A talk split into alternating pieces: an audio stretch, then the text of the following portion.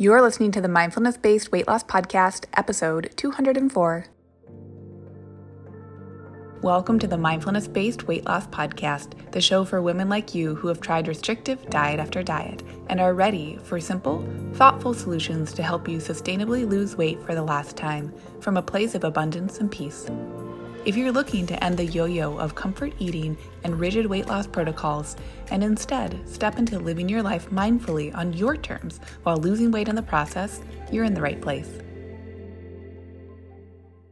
Hey, pretty people, welcome to the show. Um, I don't know about you, but I have been loving all the flowers here in Portland at any time in any season that there is a flower, I'm like, hey boo, go you. You're rad. You're great. I love you so much. And right now, it is just the beginning of, we are on the cusp of lilac season. And I am so enamored with lilacs. I go for pretty much daily. Maybe it's not like strictly every single day of the week, day like week in, week out, but probably like five to six days a week, I go for five mile walks um, because they make me feel so wonderful. They fill my cup. I'm breathing fresh air. It helps me process plenty of emotions and feelings, and it just helps me be my body, which is like so great. And the lilacs right now are this additional level of pleasure on these walks that I cannot even begin to describe to you. I have some lilacs that I put in a vase on the table that I'm sitting next to right now, and they are just perfuming the house. I find them so glorious and wonderful. I feel like my dog, like, I don't know for those of you who have dogs and you have dogs that like to sniff and snuff on their walks, have you ever seen your dog just like stick its nose into a big clump of grass and it's just like huffing whatever it's smelling or like the multiple things it's smelling? That's how I feel with lilacs. I am the person who will stop mid walk because I'm next to a lilac tree or bush and I will just stick my nose in the blooming flowers and just inhale so deeply. I can't not. I cannot not. anyway, that's what I've been loving this week is this beautiful, sweet, fairly short season that we have for lilacs here in Portland and I am soaking it up. So, today we are talking about declarations. Not declarations of independence, not not that stuff. No, we're talking about personal declarations, okay? So, I want to tell you about the concept of declarations and let me add some backstory. So, I've never really found affirmations very useful.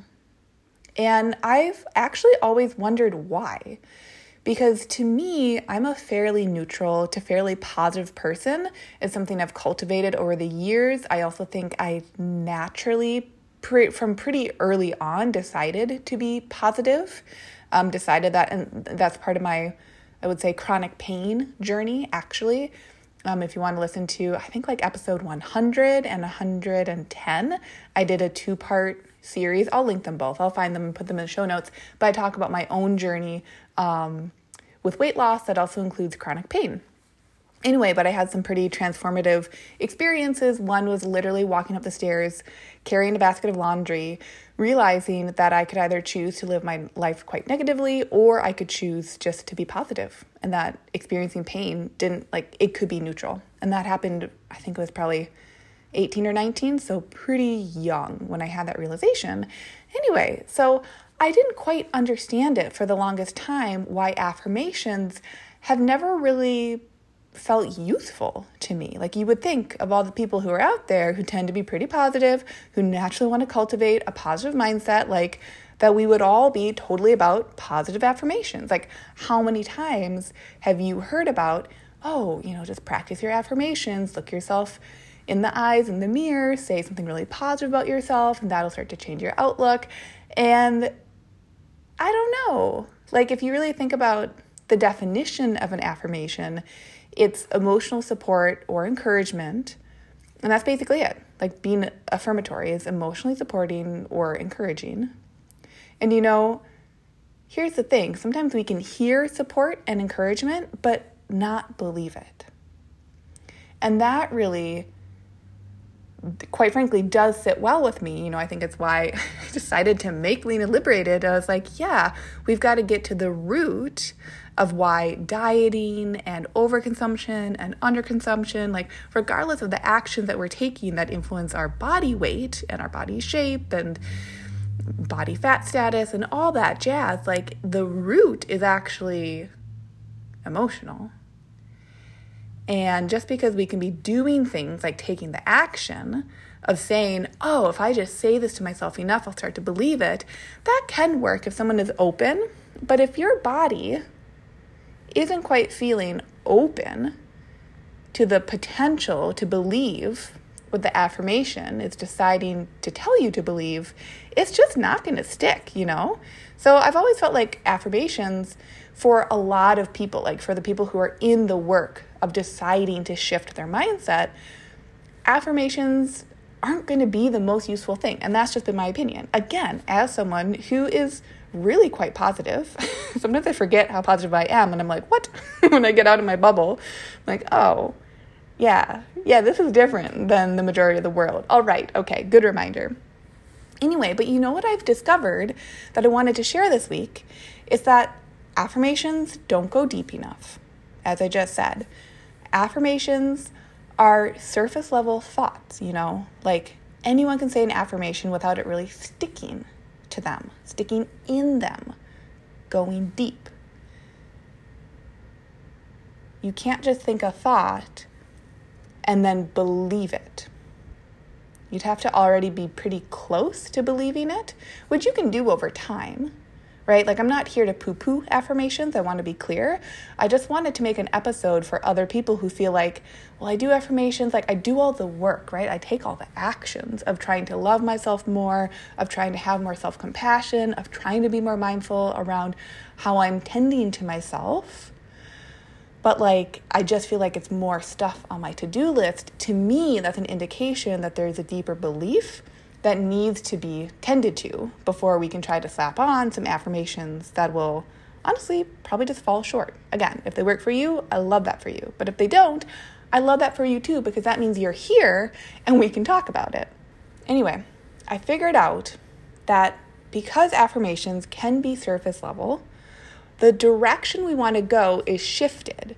Is shifted from just the words, and listen, words are very, very powerful. That is also something I coach clients on quite a bit and Lean and Liberated, is becoming extremely aware of the words that they're using to describe themselves, their situations, their thoughts, their feelings, their beliefs. Words are important, but what allows words to be important is when we incorporate our whole selves because words are important when they're in our imaginations and we create visuals and create and experience sensations because of those words. But a word just on a piece of paper won't really necessarily be all that powerful. So, what is different that you can use, it's the title of the episode, is allowing yourself to use declarations instead of affirmations. So let me give you the definition of a declaration, okay? A declaration is a formal or explicit statement or announcement. And do you know what comes with a declaration? Because of its inherent emotional nature. Like, no one is really going out and about, oot and boot, saying declarations just willy nilly. Like, declarations inherently, I just imagine the volume is turned up on them. They have to be emotional. They have to be like you have to be a little more kind of full body turned on into them versus an affirmation which is can like I said before can fall flat for some people. So, guess what comes with a declaration because of its inherent emotion emotional power? A gesture. A declaration is much more impactful because it shifts our emotional energy. Like you pay attention to yourself when you are declaring something, it wakes you up. It shifts your energy, it changes the game, and your body becomes involved.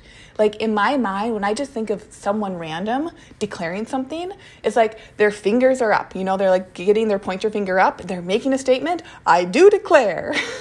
that is a visual that my mind goes to, which is very different than my own visual of an affirmation. Again, which we're all just energetic little beings. So my visual might not be your visual, but if you have felt like affirmations haven't quite worked in the way that you've wanted them to work, I want to encourage you to consider declarations.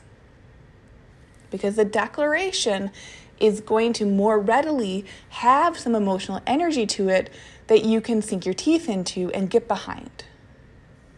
So consider a declaration to be an emphatic statement that you say with purpose and that you reinforce with a gesture so that your mind and body have something physical to remember with it. Like we're going from just your analytical, logical left brain, which is where an affirmation can fall, right? Just the words on the paper that you read out loud while you're trying to look at yourself in the mirror or whatever, or you write on your mirror or you write in your journal.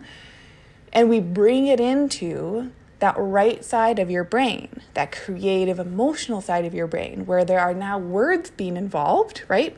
The words that you are declaring and as well, you're incorporating your body because you're allowing your body to move and groove with that declaration. Maybe you're raising your finger, right? Or maybe you're putting another one is like someone like touching their hand to their head, right? Putting your fingers or your palm to your temple. Uh, maybe you're getting up and you're standing up out of your seat as you're making a declaration. Even the act of sitting up straight is a physical gesture that can be paired with a declaration. So your brain, because you're pairing this physical physicality with the, the words of the declaration, your brain is then able to take a mental snapshot of you saying the statement because it sees you performing the gesture too. And remember again, we are you ready for this? We're big old sacks of emotional energy. So you bet your butt that your imagination is playing a huge role in the feelings that you're experiencing. And remember, your feelings are being impacted by the thoughts you're thinking, and that your thoughts are burbling up from your deep wells of belief.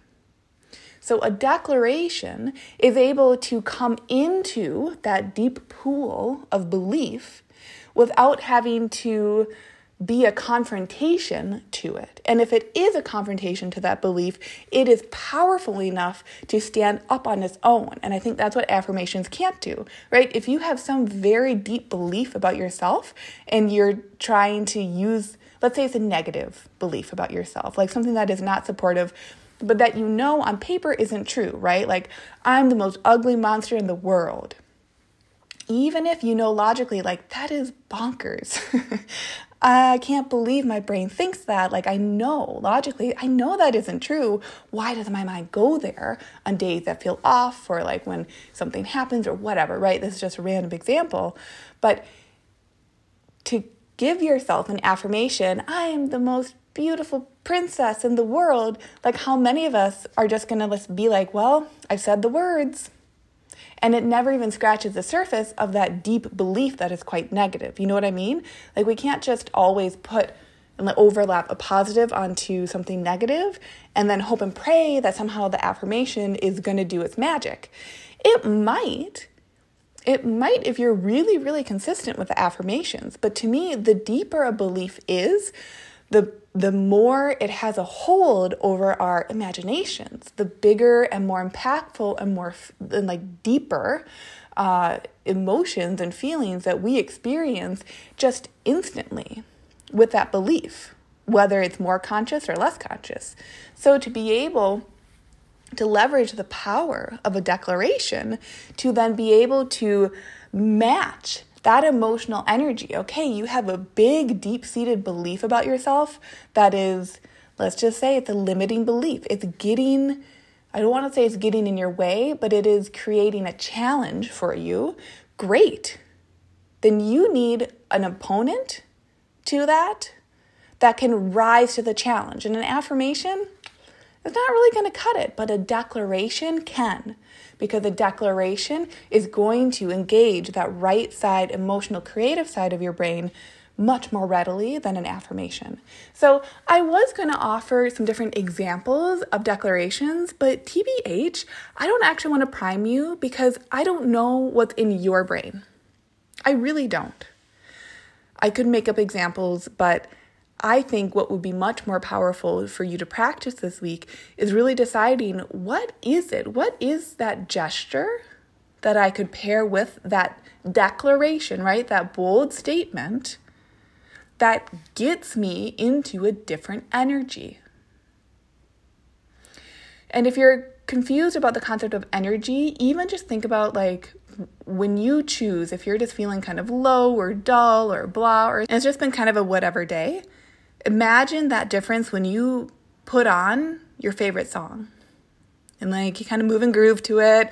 And then a couple of minutes in, your brain's like, oh, I'm in this energy now. Like the energy has shifted. That's all I mean. But think about even dancing. What is dancing? You're recruiting your body. Even if you're just like wiggling your fingers or like shimmying your shoulders, that's dancing. That's you having an energetic shift. That's you being in that right brain.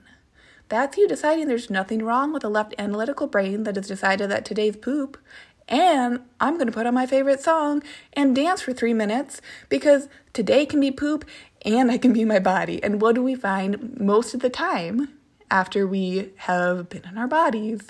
We tend to have an energetic shift that tends to be more neutral or positive, that also tends to stay with us for the rest of the day. So don't forget the power of you choosing to engage your body. It is so highly powerful, okay? So, this week, your homework is to really decide, and this can be in any arena, whether it's about your food, your food choices, your movement, movement choices, um, your sleep, how you've been thinking about your work, how you, if there's a certain relationship, whether it's a relationship to yourself or to someone else, even social media, even, you know, how often you check your email inbox. I don't care. Start with a declaration wherever you're going to start with the declaration and make a declaration for the you that is in the deepest alignment with her values. When you're living life in accordance with your values, that's when things are going to feel like they're flowy. And so, anytime we're feeling a challenge that our brain automatically wants to decide is an obstacle, that's where you can leverage the power of a declaration to really declare no, no, no, no. Here's the declaration, here's the statement that is deeply aligned with what I value in this instance. And then pair with it a gesture that will reinforce for your imagination that bold statement. And when I say bold statement, I also just mean like it's a believable statement. It might feel like a bit of a stretch to believe it. That's okay. That's fine. It's powerful. It can be a stretch and it can be powerful. That's perfect. So, this week, I want you to be considering the concept of a declaration and how powerful that can be when you're coupling it with a gesture.